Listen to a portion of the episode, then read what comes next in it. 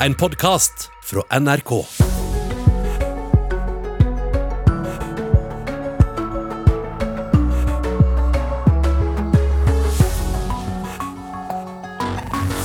Koronavaksinen gir dårligere effekt for en rekke grupper pasienter. Nå skal forskere se om enkelte trenger tre doser for å utvikle antistoffer.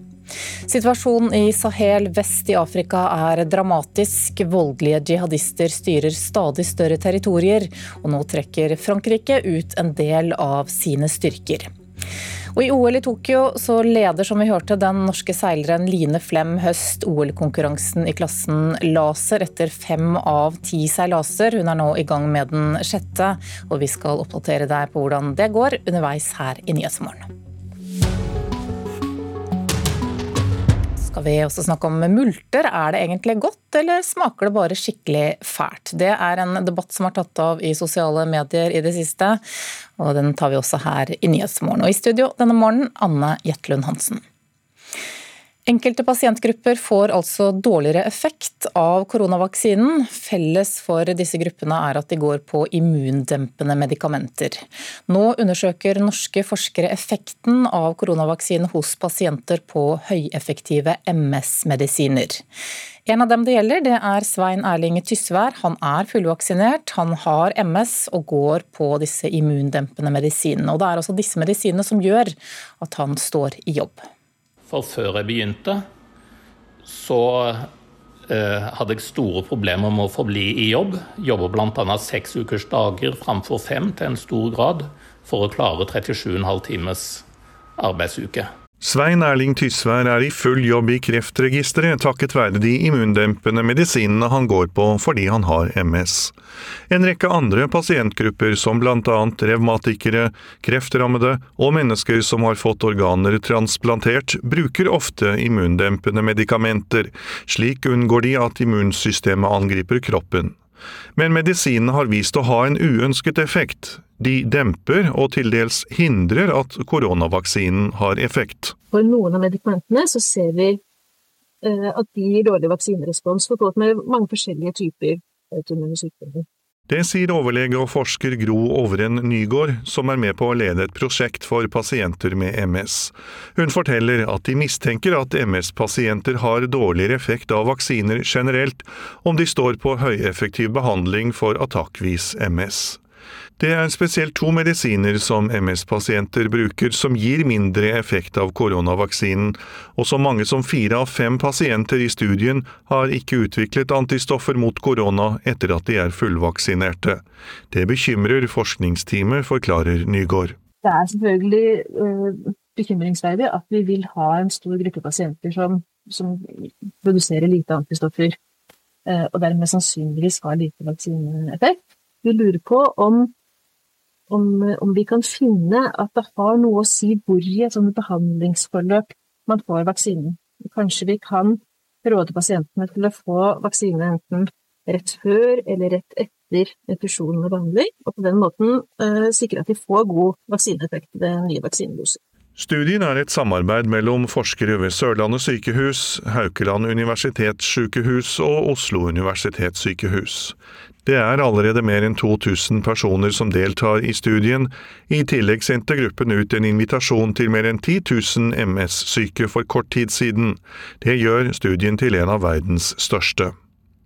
Forskerne ønsker å gi pasienter som har dårlig respons på koronavaksinen, en tredje dose for å se om den kan bidra til å utvikle antistoffer.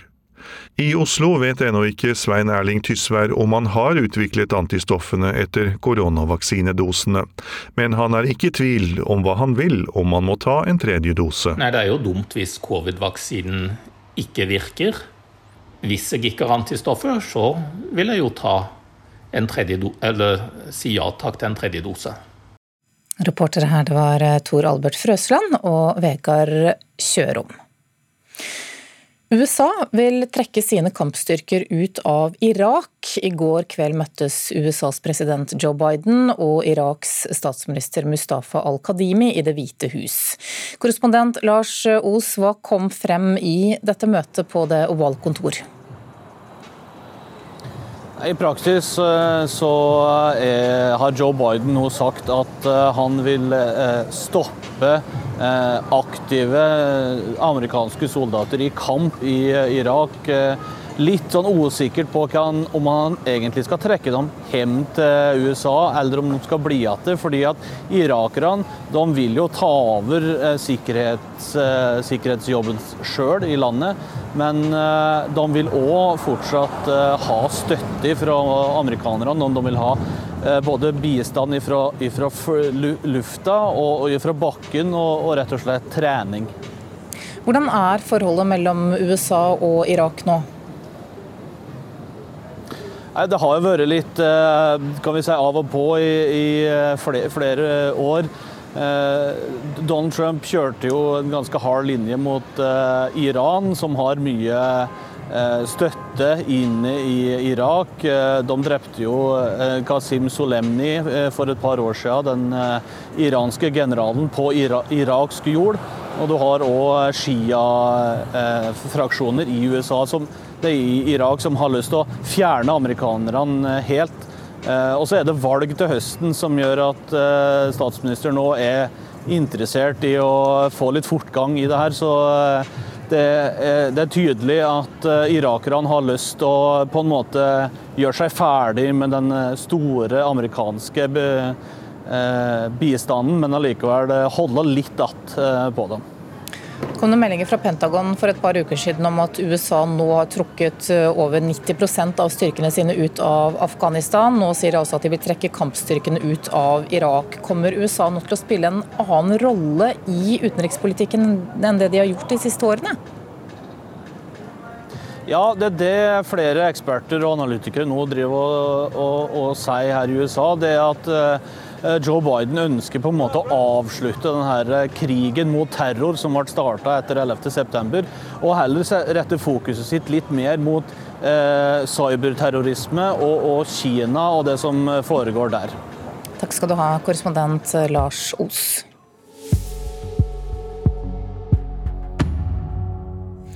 Skal vi snakke om meteoren som kunne observeres over nattehimmelen i store deler av Sør-Norge på søndag. Letingen etter disse meteorittsteinene er nå i full gang i Finnemarka i Lier. Sånn hørtes det ut da en meteor viste seg på himmelen natt til søndag. Det var bare i løpet av et sekund som så droppa temperaturen. Det ble kaldt, og så begynte det å blåse, og flaggstanga der sto jo vimpelen rett ut. Det var, det var en helt spesiell opplevelse. Eksperter har regna seg fram til at meteoren må ha landa i Finnemarka, som ligger i Lier kommune i Buskerud. Så blir det lyst som om dagen. Og ja, det er ikke normalt at det blir midt på natta, så vi kikker jo opp. da. Det er en sånn sak som ler seg sakte, da. Ja, Den var jo selvfølgelig på vei nedover, men det ser en jo ikke når en ser rett på den, for vi var omtrent midt under. Og noen har allerede starta jakten på å finne steinene som kommer helt fra verdensrommet. Steiner, ja, jeg vet jo ikke helt hva det er, da, men det var uh, noen som pekte seg veldig ut akkurat her. Ble litt sånn svart på fingrene etterpå. Det var sota. Reporter her, det var Astrid Midthun. Og nå er altså letingen i gang for å finne deler av denne meteoritten som landet søndag kveld. Astronom Vegard Lundby Rekå, god morgen. God morgen. Du følger med på letingen som altså blir gjort av dine kollegaer på Norsk meteornettverk. Hvordan går letingen nå? Den er foreløpig på et ganske tidlig og rolig stadie. Det er en del som befinner seg i området allerede, som har tilbudt seg å gå ut og se. Og så har vi hjulpet med koordinater for å peke dem eh, mest mulig i riktig retning. Eh, ellers er det fortsatt noe arbeid som gjenstår på å rett og slett bekrefte hvor vi regner med at den ligger. Og da håper vi at vi kan snevre inn søkeområdet en del. Men Er det da sannsynlig at den er spredt over et stort område? Ja. Eh, den gikk jo i oppløsning, så det alle så som et kjempelysglimt, det var jo da en eksplosjon, eller at hele steinen eh, smuldret opp. Eh, da mistet den også den voldsomme hastigheten den hadde fått fra fallet fra verdensrommet. Og så falt den med mm, rundt 200-300 km i timen, men uten at den var synlig og ned til bakken. Normalt så spres jo disse meteorittene da over et ganske langt område, et belte som kan være opptil to, tre eller fire kilometer langt. Og det vi da håper at vi vil kunne finne, de som går og leter, det er rett og slett mørke steiner, gjerne med en svart hinne eller skorpe. Noen er av stein, eh, som kan fortsatt virke litt knudrete og kantete, mens noen eh, igjen har vært av jern, hvor de får en litt sånn glatt, avrundet, men ujevn eh, overflate. Men for oss vanlige dødelige, for å si det sånn, eh, hvordan vet jeg at jeg har funnet en meteoritt og ikke en helt vanlig stein? Nei, Det er veldig vanskelig å si, og det finnes jo veldig mye jordiske steiner som ligner på alle karakteristikker. Eh, det vi prøver på nå fra Norsk Meteornettverk, er å være så mye tilgjengelig vi klarer på alle sosiale medier. Og vi oppfordrer alle til å sende oss bilder dersom de er i området og leter. Eh, gjerne bruke emneknagger eller annet, slik at vi blir oppmerksom på bildene deres. Så skal vi prøve å hjelpe til rett og slett med å se på de bildene som eh, leterne, eller de som er ute og søker, tar i marka. Hva skal jeg gjøre da, hvis jeg finner en, en meteoritt? Det aller første er jo egentlig å gjerne ta bilde av den der den ligger, ikke plukke den opp eh, med en gang. Eh, det kan være veldig interessant å se eh, krateret, eller det området som den ligger i, og hvordan den har preget underlaget. Eh, etter det så ønsker vi jo og oppfordrer absolutt alle om å levere den inn til analyse hos forskere, gjerne på Naturhistorisk museum i Oslo. Det er nødvendig å gjøre kjemiske analyser for å være helt sikker. Og ikke minst så snakker vi her da om den 17. norske meteoritten. Den ønsker vi at blir registrert og kategorisert her i Norge. Og at den ikke forsvinner ut av landet før forskerne har fått gjort sitt arbeid med den. Så det er ikke sånn at dersom jeg finner en, en meteoritt, så kan jeg ta den med hjem og sette den på peishylle, egentlig? Jo, loven er egentlig sånn at det er, eh, det er mulig for finneren å beholde den selv. Men vi ønsker jo da og oppfordrer at uh, dette blir først og fremst gjort tilgjengelig for uh, forskerne. Og, nå skal det sies at Forrige gang disse tingene skjedde, så var det ikke bare én stein som datt ned, det var mange. Så uh, det er ikke utenkelig at både finnere kan få lov til å ha den på peishyller, og ikke minst noen kan kanskje donere den til museet og få evig berømmelse på Geologisk museum i Oslo. Men Hva kan forskere potensielt finne ut av da, dersom de studerer disse meteorittene? Meteorittene har jo med seg materiale fra da solsystemet ble dannet. Det er eh, kanskje 4,6 milliarder år gammelt, og det viser noe om hvordan forholdene var når vår planet ble til. Eh, det vi håper på nå, er selvfølgelig at dette er, en, eh, at dette er en meteor som stammer fra et område litt lenger inn i solsystemet. Det er et sjeldent område vi pleier å få eh, meteorer fra. Og Det betyr at den kan inneholde da sporstoffer kanskje fra hvordan noen av de innerste planetene i solsystemet ble dannet. Det har vi ikke fått så mange av før. Men Ligger det tusenvis sannsynligvis av sånne meteoritter da spredt i marka, eller? Ja, det er jo mulig. Altså, det var en voldsom eksplosjon, og steinen før den kom inn i atmosfæren vår var over 100 kg tung, så vidt vi kan beregne. Eh, så det ligger mange fragmenter rundt omkring i Finnemarka. Ok, Astronom Vegard Lundby Reko, takk for at du var med her i Nyhetsmorgen.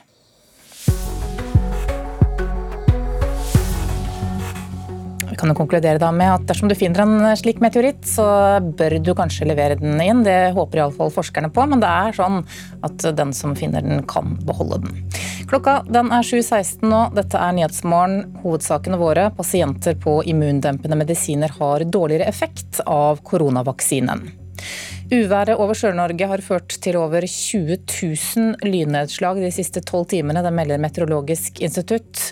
Verst har det gått utover Rogaland, Agder og Østlandet.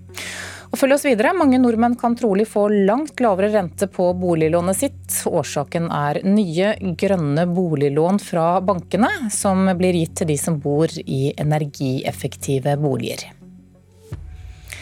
skal vi snakke om om noen minutter. Aller først nå så skal vi til Sahel. De siste ukene har voldelige jihadister strammet grepet om Vest-Afrikas region Sahel, som altså ligger som et belte sør for Sahara. Disse jihadistene de styrer stadig større territorier, samtidig som Frankrike nå reduserer sitt militære nærvær i regionen.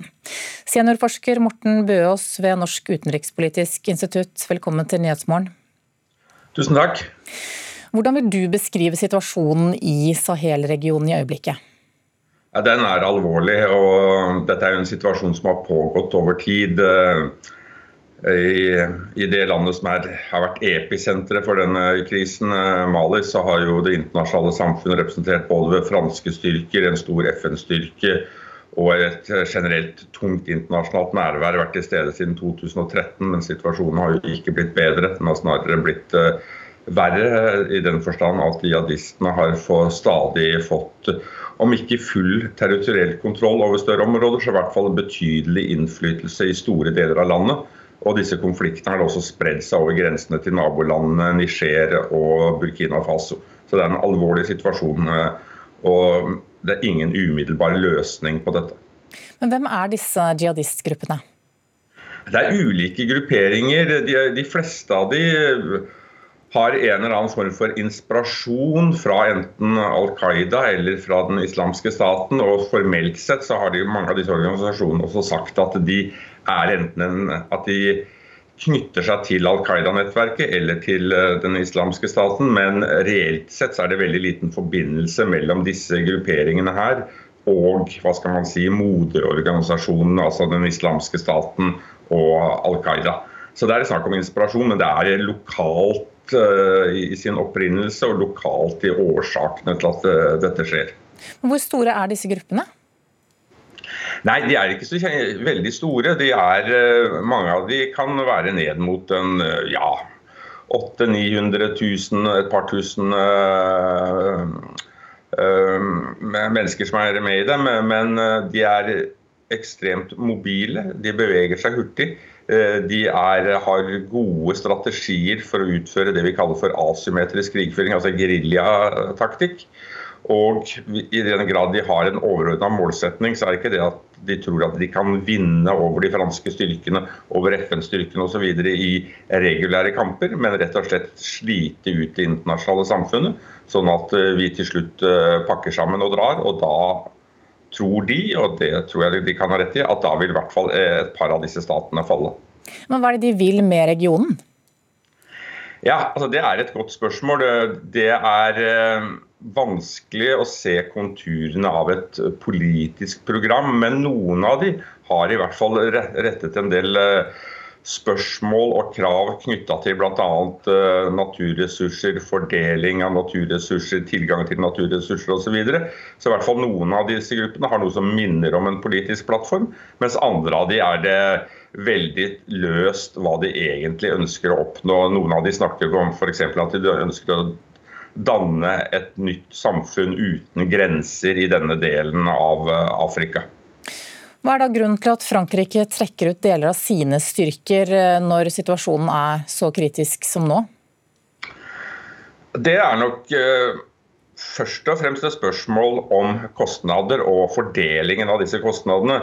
Eh, Frankrike har i lang tid vært interessert i å prøve å få andre, og spesielt andre europeiske land, til å være med å bidra både militært, men også økonomisk til denne franske antiterroroperasjonen som går under navnet Operasjon Barkhane. Det har det vært veldig få andre europeiske land som har vært villige til. Egentlig, altså Danmark har stilt opp litt, men de fleste andre europeiske land har sagt nei til det. Samtidig så har Frankrike også havnet inne i en konflikt eh, med deler av regimene i denne regionen, hvor Frankrike mener at de heller ikke stiller opp nok og bare gjemmer seg bak eh, de, de, franske styrkene. Så jeg tror dette delvis dreier seg om at Frankrike ønsker at de landene i Sahel, statene selv, skal gjøre mer. Men samtidig også at man ønsker å få sterkere bidrag fra andre europeiske land. Og Det ser vi også nå i forbindelse med at ja, Frankrike har sagt de skal trekke ut tropper fra antiterrorstyrken Barkhane. Men samtidig så er det jo også en annen fransk styrke, denne såkalte operasjon Takuba, som går mer på trening og rådgivning til eh, altså de nasjonale hærstyrkene i regionen. Hvor man fortsatt prøver å få med eh, en rekke europeiske land på dette, og hvor også Norge har sagt ja til å sende en, det er vel en sju-åtte mann mannskaper som skal sendes fra Norge til eh, Takuba-operasjonen. Takk skal du ha, Morten Bøås, seniorforsker ved Norsk utenrikspolitisk institutt.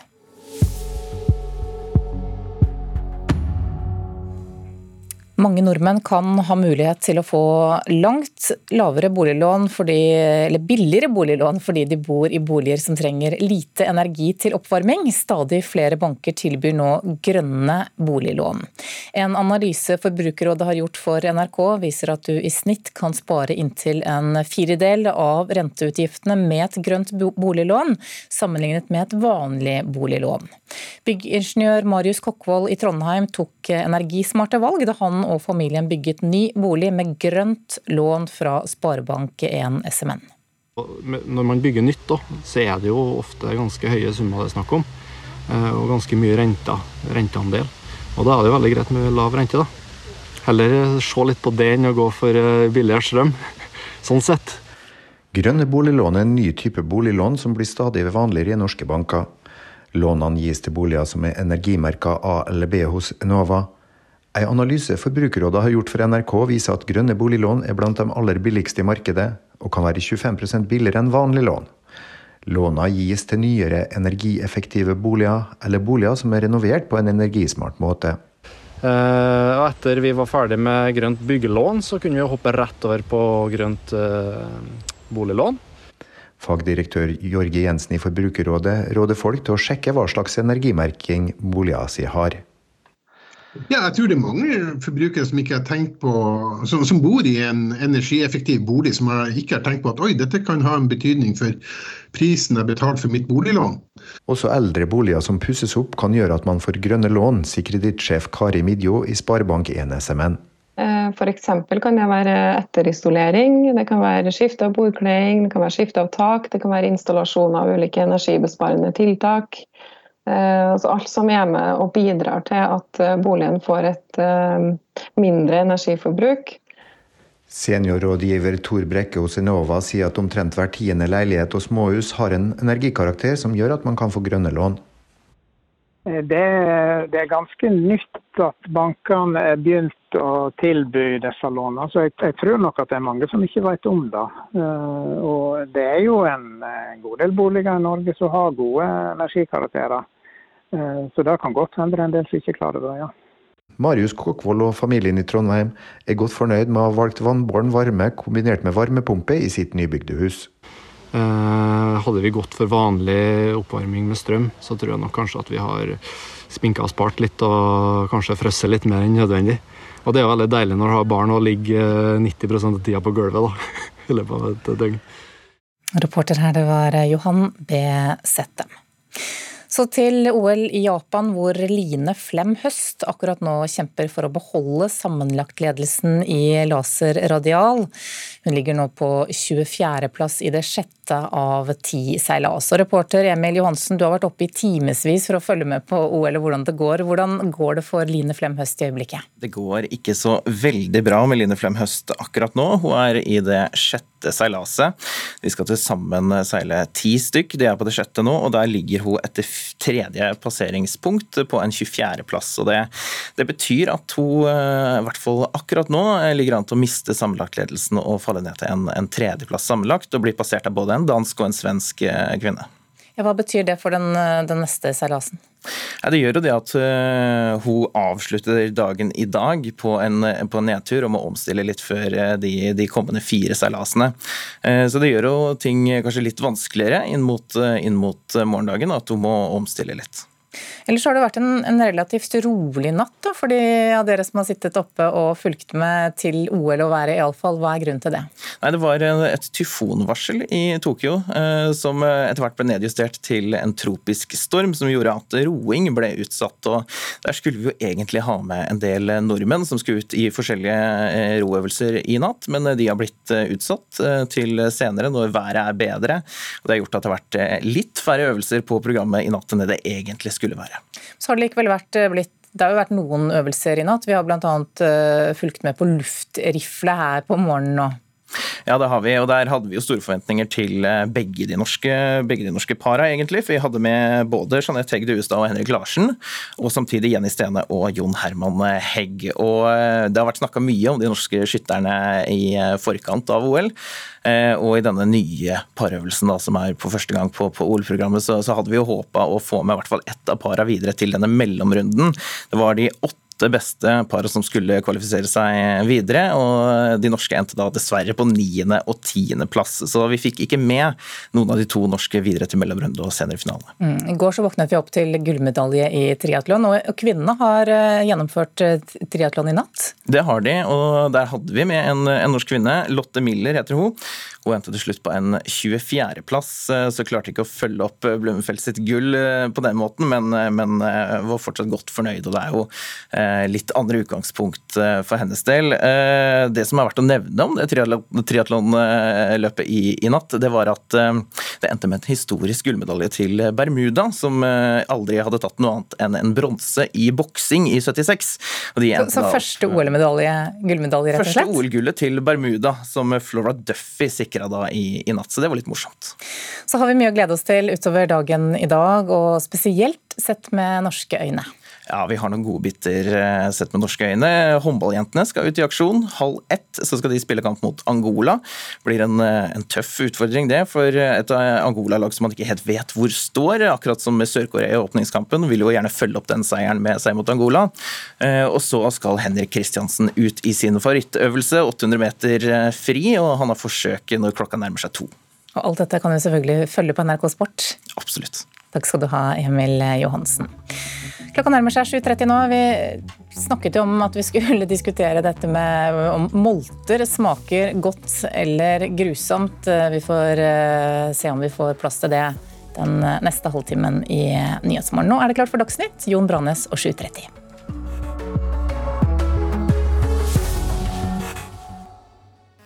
Sommer i P2. Jeg dusja og vaska klærne etter hver vakt. Livredd for å bli syk sjøl eller smitte familien. Jeg er Håvard Lorentzen, overlege ved Rikshospitalet. I mitt sommer i P2 tar jeg det med helt inn på intensiven mens vi slåss mot koronaviruset. Sommer i P2 i dag klokka ni.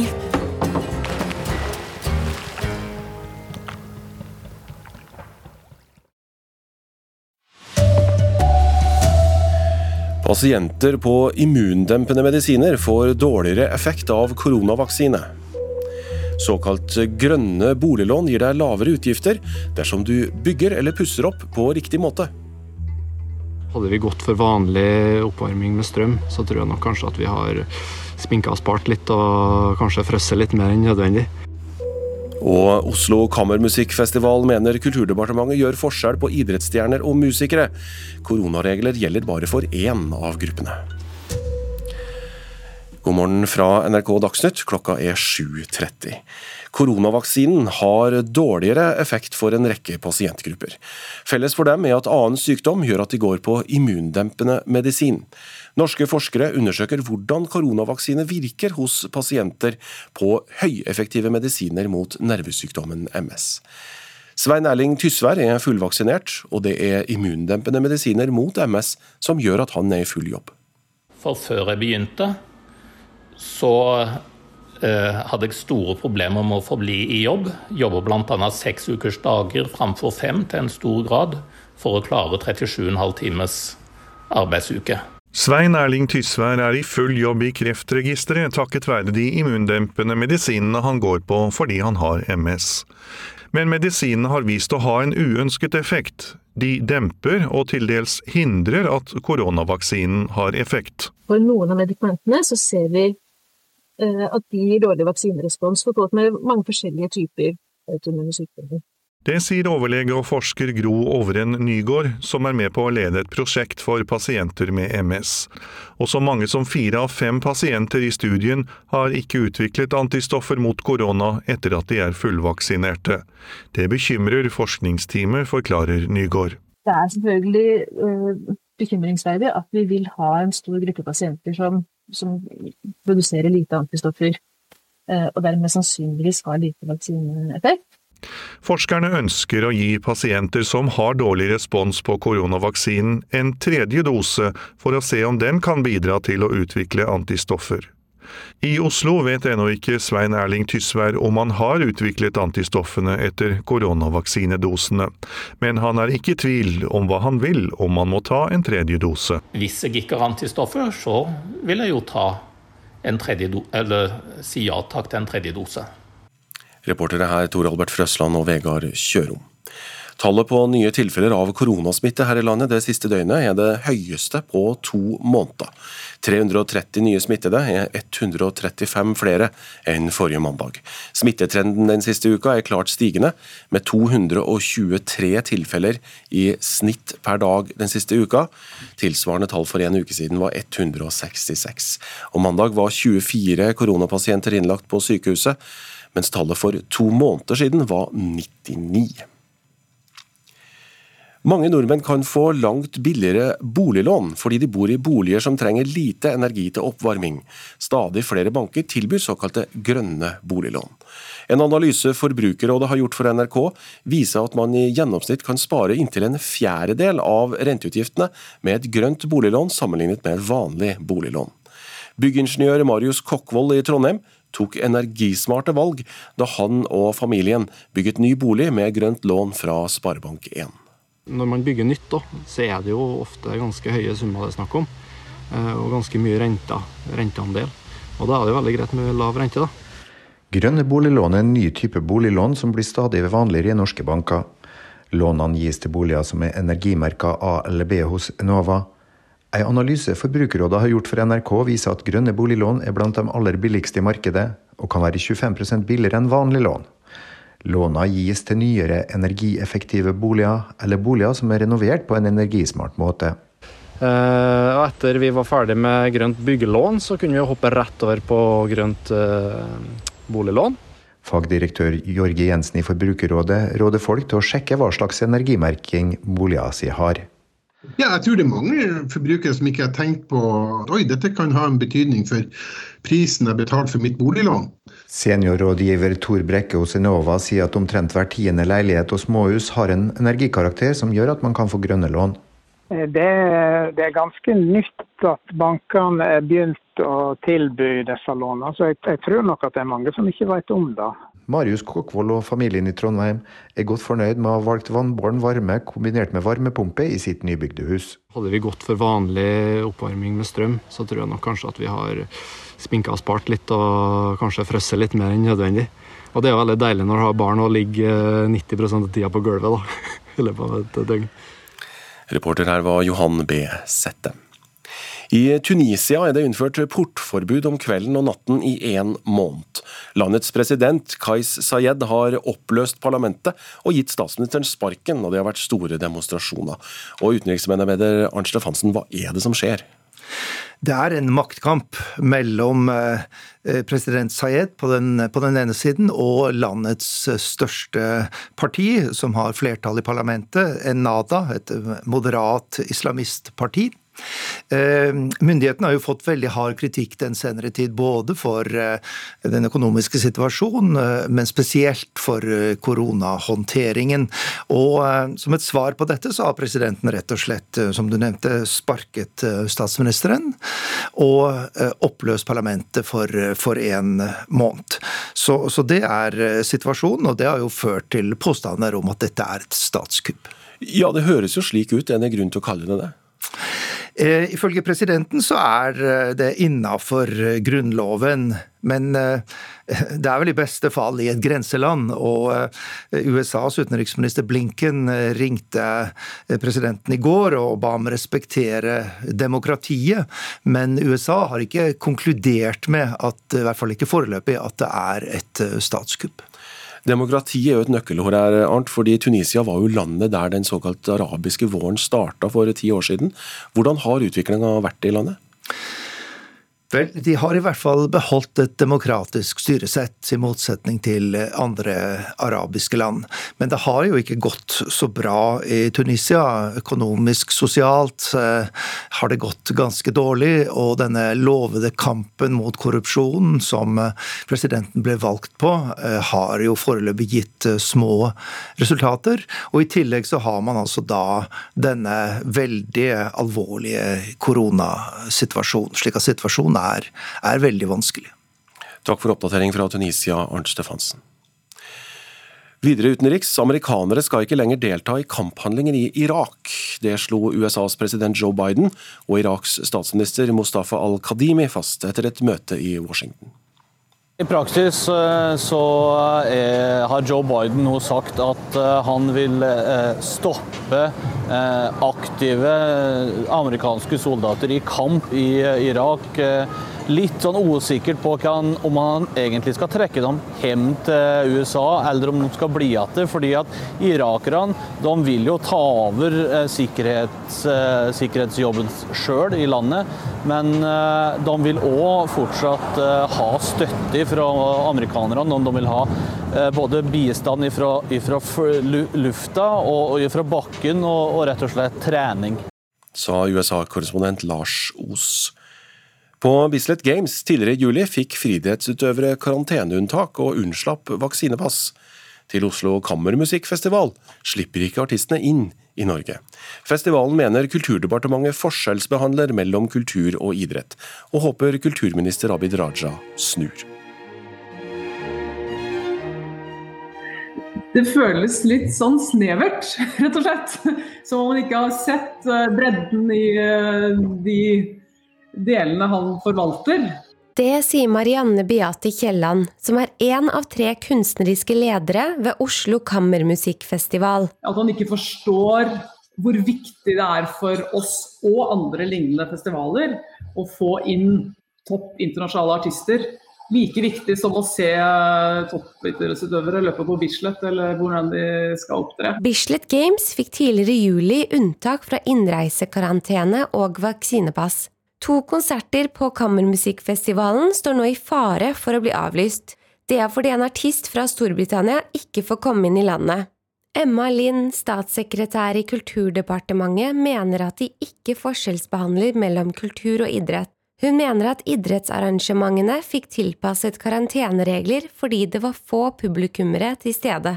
Jeg forstår den eh, følelsen fra kultur, eh, for kulturarrangørene, men dette eh, var først og fremst knytta til arrangement hvor ikke publikum skulle være til stede. Reporter i dette innslaget Aida Korami. Ansvarlig for NRK Dagsnytt, Jakob Hildrum. Mitt navn er Jon Branes.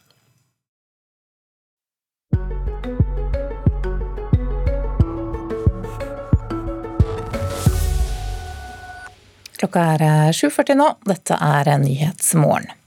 Det er fortsatt mye piggtråd igjen i beiteområder og norsk natur, selv om dette ble forbudt i 2010. Bare på øya Runde på Sunnmøre, rett ved det største fuglefjellet sør for polarsirkelen, så er det flere kilometer med piggtråd. Flere ønsker nå en bedre ordning for å få det fjernet. Her er et veldig godt eksempel på, på piggtråd. her. er... Marvin Kopperstad i viltnemnda i Herøy kommune har sett mange stygge skader på dyr etter at de har satt seg fast i piggtrådgjerder. Rett ved fuglefjellet på øya Runde på Sunnmøre er det flere kilometer med piggtråd. Noe som ble forbudt for elleve år siden. Og Så har de knytt på en topptråd her, og det, det, ser egentlig det ser ikke ut. I dyrevelferdsloven paragraf 15 står det at piggtråd ikke kan brukes som gjerde for dyr. Heller ikke liggende ute i naturen der ville dyr går. Nå, eh, nå står vi helt eh, ganske ned, med, ned i fjøra. Og slik som f.eks. hjort, som, eh, den kommer jo svømmende mellom øyene her. Og I dette tilfellet så er det jo piggtrådgjerde omtrent det første han møter som et farlig hinder på resten av sin ferd. Jeg syns det er helt forferdelig å, å se at eh, sånt gammelt eh, får lov til å, å stå til, eh, til fare for eh, både dyr og, dyr og mennesker. Da. For å fjerne et piggtrådgjerde må man ta kontakt med grunneier, men man kan også sende bekymringsmelding til Mattilsynet, sier avdelingssjef for Mattilsynet i Nordmøre og Romsdal, Magne Mo. Hvis man kjenner til den som har ansvaret for gjerdet, så gjør man den oppmerksom på det. For, hvis ikke så kan man bruke den eh, varslingsknappen eh, til Mattilsynet. Og så, så følger vi opp i, i, i, den grad vi prioriterer arbeidet. Når Mattilsynet finner brudd på loven, får grunneier pålegg om å fjerne piggtråden. Skjer ikke dette dette kan man benytte tvangsmulkt. I dag er det en nasjonal ordning der grunneier kan få penger dersom man fjerner et piggtrådgjerde og erstatter det med et annet. Men ordningen gjelder ikke fjerning av piggtråd slengt i naturen. Heller ikke hvis du bare ønsker å fjerne gjerdet uten å sette opp nytt. Første nestleder i Norges Bondelag, Egil Hoen, synes det burde vært en stor dugnad og et klarere ansvarsforhold på hvem som egentlig skal kvitte seg med den gamle piggtråden. Dette er i mange tilfeller noe som er satt opp for flere tiår siden, hvor det ikke føles naturlig at dagens eier skal eh, ta den kostnaden. og Der eh, må nok samfunnet også være med å bidra med å gi tilskuddsmidler og, og kanskje innføre panteordninger for innsamla piggtråd. Det kan være mange gode løsninger på det, men uh, vi kan ikke forvente at grunneiere skal ta rydde opp i gamle synder Eh, som har blitt begått for flere generasjoner siden, i alle tilfeller. Statsforvalteren i Rogaland er foreløpig det eneste fylket i 2021 som har satt i gang et prosjekt for å få fjernet piggtrådgjerder fra gårder og bruk i fylket. De frister bønder med opptil 600 kroner timen for å få fjernet piggtråden. Hoen i Bondelaget synes at tiltakene i Rogaland er i riktig retning. Også Magne Mo i Mattilsynet synes flere bør bidra i å fjerne piggtråden. Dette her er jo noe som alle og enhver bør merke seg. Og Det gjelder dyreholdere, det gjelder grunneiere. Og så også at, eh, at, vi i ulike forvaltningsorganer evner å, å, å samarbeide om dette her. Ved avfallsmottaket i Herøy på Sunnmøre viser Marvin Kopperstad piggtråden han har funnet og nettopp kastet i søpla.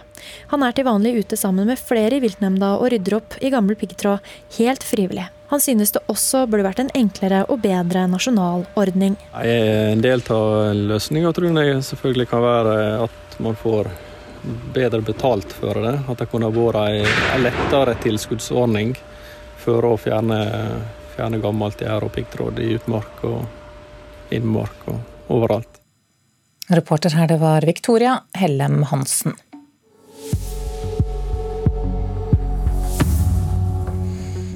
Klokka har passert 7.44 nå. Dette er Nyhetsmorgen i NRK. Hovedsaken vår er at koronavaksinen gir dårligere effekt for en rekke grupper pasienter.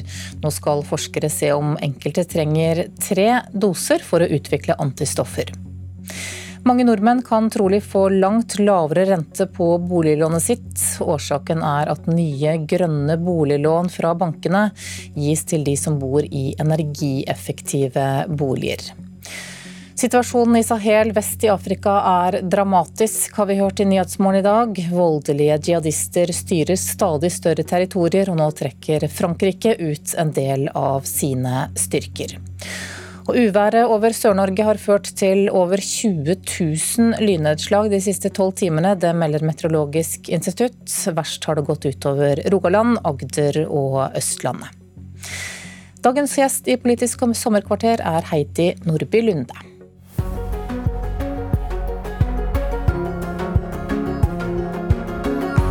Jeg er Heidi Nordby Lunde, tidligere kjent som bloggeren Vampus. Nå er jeg influenser gjennom å være stortingsrepresentant og leder i Oslo Høyre. Mitt navn er Heidi Nordby Lunde. Jeg er leder av Oslo Høyre, stortingsrepresentant, og stiller også til gjenvalg for Høyre i kommende stortingsperiode.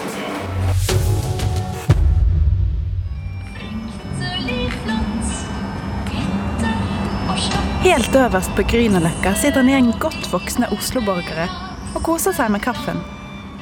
Akkurat dette stedet har Høyre-politiker Heidi Nordby Lunde et helt spesielt forhold til. Nå ser jeg at det heter Lovisenberg omsorg, men um, Paulus sykehjem, som tidligere var drevet av Attendo og ble på et tidspunkt omtalt som Norges beste sykehjem. Og uh, Hva er grunnen til at du har vært her før? Det? Dette var uh, her hvor min mormor uh, kom på slutten av livet, eh, og var i to år før hun gikk bort den 23. juli i fjor. Vi bodde jo veldig nært eh, her, det var derfor vi ville ha henne hit. Eh, vi bodde jo i Valdemars hage. Og det var utrolig sårt for oss under det pandemiåret at vi bodde så nært, men ikke kunne komme inn og besøke henne. Men vi kunne komme bort dit da og stå på andre siden av der vi sitter nå og vinke til henne på balkongen. Men vi skjønte jo at hun forsvant litt fordi at hun ikke fikk den aktiviteten og den kontakten med oss som vi ellers ville ha, ha hatt. Men så da sykehjemmet her skjønte at eh, det nærmet seg slutten, så fikk vi fri tilgang. Og vi fikk to utrolig fine uker hvor vi, hadde, vi satt her døgnet rundt. Og søsteren min og jeg fikk holde henne i hendene da hun, eh, da hun gikk bort, og det er jeg utrolig takknemlig for.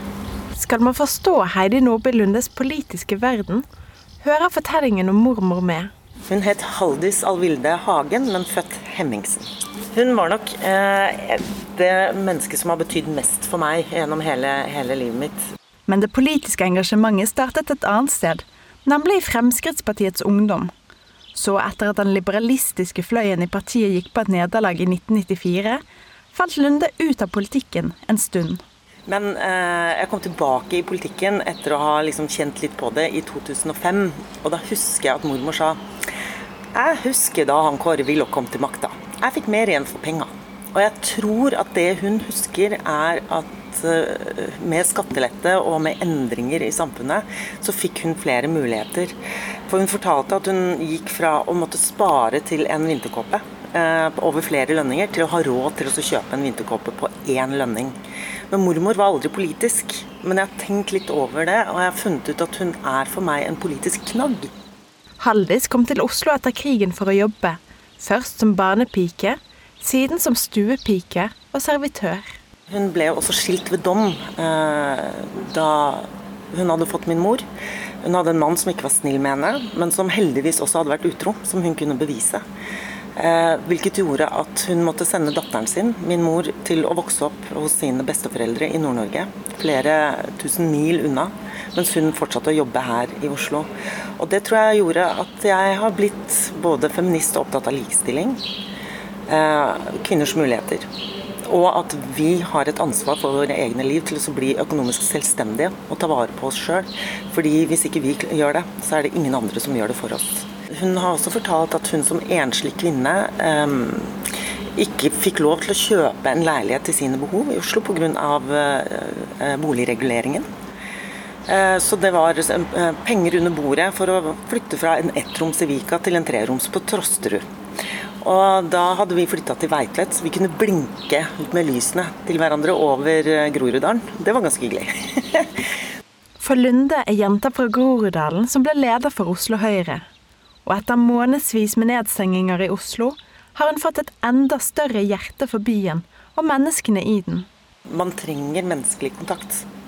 Det merker vi jo alle sammen, eh, særlig vi som har bodd her i Oslo, som har hatt en nedstenging som jeg ikke tror at resten av landet har skjønt. Og Det er derfor jeg blir så rasende, og jeg tror Oslo-folk også blir så rasende når vi hører kritikken fra andre steder, enten det er fordeling av vaksinedoser, eller at, eh, at man syns det er urettferdig at andre steder må stenge ned, når vi vet at i denne byen med over 600 000 mennesker, hvor eh, bare antall eldre over 65 år utgjør 50 000.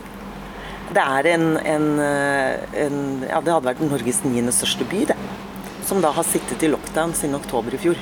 Da får jeg veldig liten toleranse altså for uh, hvordan resten av landet behandler min by. Vi skal jo gå litt gjennom denne byen nå. Vi skal nedover Løkka, og så skal vi gå til Skotsmenn. Hvorfor skal vi dit?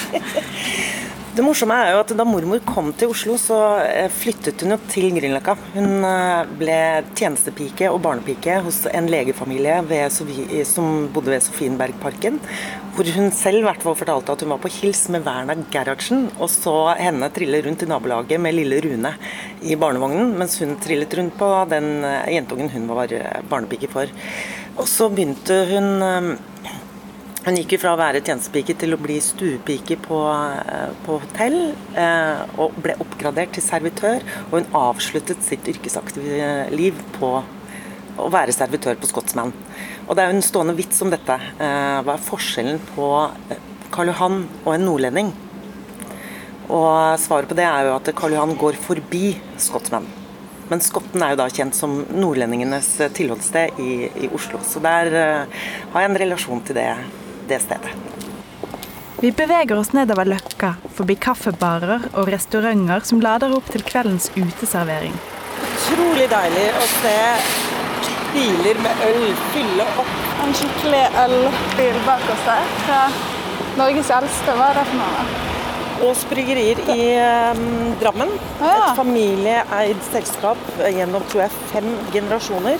Som, apropos for å gjøre noe politisk, eneste grunnen til at de tar ut utbytte, er for å kunne eh, betale formuesskatt. Fra Løkka går veien via Torgata og Jungstorget. Sparkesyklister og fotgjengere kjemper en stille kamp om plassen på fortauet. Men Lunde er ikke enig med dem som mener at elsparkesyklingen burde vært strengt regulert fra start. Jeg er nok mer på den siden at jeg syns det er dumt å ikke tillate noe eh, før du har sett hva som kan komme ut av det. Fordi det kan være mer spennende og skape mer enn dersom du bare prøver å regulere det uten å forstå hva du egentlig driver med. Her var det bare planfløyte over hele Planfløytehelvete. Spørs om vi settes inn når vi kommer frem. Der har du noe som kunne vært regulert. Planfløyte. Nå er vi fremme. Hei, hei. Takk.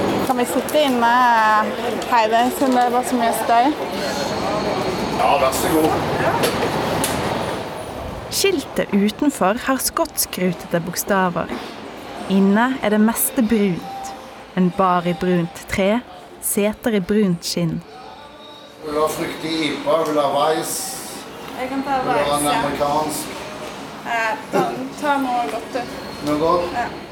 Scotsman er en sånn type bar der man må lete en stund for å finne alkoholfritt øl på menyen. Til gjengjeld er det mulig å bestille både snus og sigaretter til bordet. Her jobbet altså mormor Haldis i nesten 30 år. Men da så det veldig annerledes ut. Hun var i underetasjen, og den var jo kjent som en skotsk pub som hadde da livemusikk eh, med skotske musikere. Og det var ikke den baren som eh, er på gateplan i dag. Men til slutt blir støynivået for høyt, og liberalisten og journalisten må fortsette praten på Stortinget. Jeg pleier å si velkommen til min lille hule, eh, fordi det er sånn det føles av og til å gå inn hit. Og jeg er jo egentlig litt introvert, så jeg kan jo fort bli sittende her i tolv timer i, i strekk uten å bevege meg så altfor mye lenger herfra. Nå sitter vi jo på stortingskontoret ditt. Eh, vinduene går inn i et annet rom, så det er litt mørkt her. Hva er det du har der borte på pulten der? En slags robot? Det er R2D2 fra eh, Star Wars som var min gave til meg selv da jeg kom inn på Stortinget i 2013. Bestilt fra Amazon og levert på døra eh, til stortingsbygget. Er det sant? Hvorfor akkurat eh, den gaven? Fordi jeg er Star Wars-fan, og R2D2 er vel en av mine absolutte yndlingsfigurer fra den serien. Og hva slags kvaliteter er det du trekker ut og tar inspirasjon av her? Han er jo eh, modig, stiller opp for vennene sine og tør å ta egne avgjørelser. og Jeg håper jo at jeg har noen av de egenskapene selv. Og så er han jo også en bærer av beskjeder. Hei, Arthur. Play message. Ja, nå var han ikke så veldig samarbeidsvillig, syns jeg. Hei, Arthur. Play message. This is our most desperate hour. Help me, Obi-Wan Kenobi. You're my only hope. Hvordan ser det ut for Høyre før valget til høsten? Omtrent sånn som det så ut for oss i 2017, hvor det var mange som gikk inn i sommeren og før valgkampen og tenkte at vi, det blir krevende med gjenvalg. Men det korrigerte seg jo utover sommeren eh, og også utover høsten, så jeg er i hvert fall veldig optimistisk på Høyre som partis vegne. Jeg tror vi kommer til å gjøre et veldig godt valg. Men eh, det er nok mer krevende med regjeringssamarbeidet og våre samarbeidspartier. Det ser vi jo alle sammen. Du Heidi, jeg ser det henger en eh, plakat på veggen her. Er det valgkampstrategien? Det er vel valgkampstrategien til, til Høyre. Um, for å vinne valget skal vi sette egen agenda, gjenta, gjenta, gjenta. Mennesker, ikke milliarder. Virkelig løsning på virkelige problemer. Være synlig der velgerne er. Lave skuldre, brede smil. Og der har jeg avslørt Høyres fullstendige valgkampstrategi. er det bedre Du sitter og drikker kaffe nå, men tror du dere kan vinne mot kaffekoppstrategien til Trygve Slagsvold Vedum? Ja, jeg føler jo sjøl at jeg har drukket mange kopper med kaffe de siste åtte årene jeg har eh, drevet med politikk. For det er jo jobben vår er jo å være ute og snakke med folk og være på bedriftsbesøk bl.a. Så han har jo ikke vært alene om å være ute og drikke kaffe. Men vi andre bare ringer ikke VG når vi drikker kaffe med folk. Snart skal Lunde igjen ut og prate med velgere med kaffen i hånden. Da står mormor Haldis sine vanskelige valg som en knagg for det politiske budskapet hun er mest opptatt av. Ta vare på enkeltmennesket og det skal lønne seg å jobbe. Hun var jo eh, en kvinne i lavlønnsyrket hele livet, og jeg fikk veldig respekt for både hardt arbeid og de prioriteringene hun måtte gjøre. Bl.a. gjennom at hun måtte sende fra seg mamma for å vokse opp et annet sted, slik at hun kunne fortsette å arbeide i Oslo. Og da er det en del av de debattene som vi har hatt her på Stortinget som provoserer meg, bl.a. når det gjelder pensjon. Fordi jeg vet at um, da hun døde, så hadde hun 4000 mer utbetalt i måneden enn kvinner i samme aldersgruppe som hadde vært hjemmeværende for å kunne ta vare på egne barn, eh, men levd av sin manns inntekt. Det valget hadde aldri mormor. Og da synes jeg at det er rimelig at de som faktisk har stått i arbeid hele livet, får mer enn de som av ulike grunner ikke har, har gjort det. Men særlig også når det er selvvalgte grunner. Men mormoren din klarte å spare litt av pensjonen sin? Ja, altså Hun var jo en nøysom kvinne, og i motsetning til datterdattera så verken drakk eller røyket hun. Eh, men hun sparte nesten hele pensjonen sin. Og det gjorde at på et tidspunkt så betalte hun også formuesskatt, noe hun synes faktisk var urettferdig og oppfattet som en straff. Ehm, for å nettopp ha levd nøysomt. Så når jeg snakker om skattelette, så gjør jeg ikke det for milliardærene på Oslo vest. Jeg gjør jo det nettopp pga. mennesker som mormor, som opplever å bli straffet for å faktisk ha spart gjennom et langt liv og stått i arbeid eh, hele livet. Men selv om hun gleder seg til å riste liv i Oslo Høyre før valgkampen for alvor braker løs, er ikke Lunde enig i alt partiet står for. Jeg mener at vi kunne hatt en mer intelligent debatt om bl.a. valgfrihet. Ehm, fordi at Når det gjelder bl.a. kontantstøtte, som jeg også har et ambivalent forhold til, så er det helt riktig at den gir mulighet til flere familier å kunne velge f.eks. å være lenger hjemme med barna enn en, en bare da formuesfamilier. Men samtidig så, så, ser vi jo at det sementerer den valgfriheten som uh, man har. Kvinner er oftere i lavlønnsyrker, menn går ut i privat næringsliv. Og da er det økonomien som uh, setter rammene for den valgfriheten. Og det er ofte kvinnene da som blir hjemme, uh, og mennene som fortsetter i arbeid. Og det å tro at kontantstøtte utjevner og likestiller og gjør dette til likestilte valg, det syns jeg er ufattelig naivt. I en ramme står bildet av mormor fremme på pulten. Jeg ordnet jo begravelsen, så hadde jeg det liggende på kontoret, og så hadde jeg en ramme som jeg ikke hadde hjerte til å kaste, for jeg liker ikke å kaste ting. Så skulle jeg fylle det med noe, hvorfor ikke bilde av henne? Hun har perlekjede, da. Svart drakt, elegant. Dette her er nok bilder fra, jeg tipper 60-tallet, eh, da man gikk til faktisk fotograf for å bli fotografert. Og da pyntet man seg jo. Uh, mormor var ikke en høyredame, men gikk i perlekjede. Datterdatter derimot går aldri i perlekjede, men er høyredame.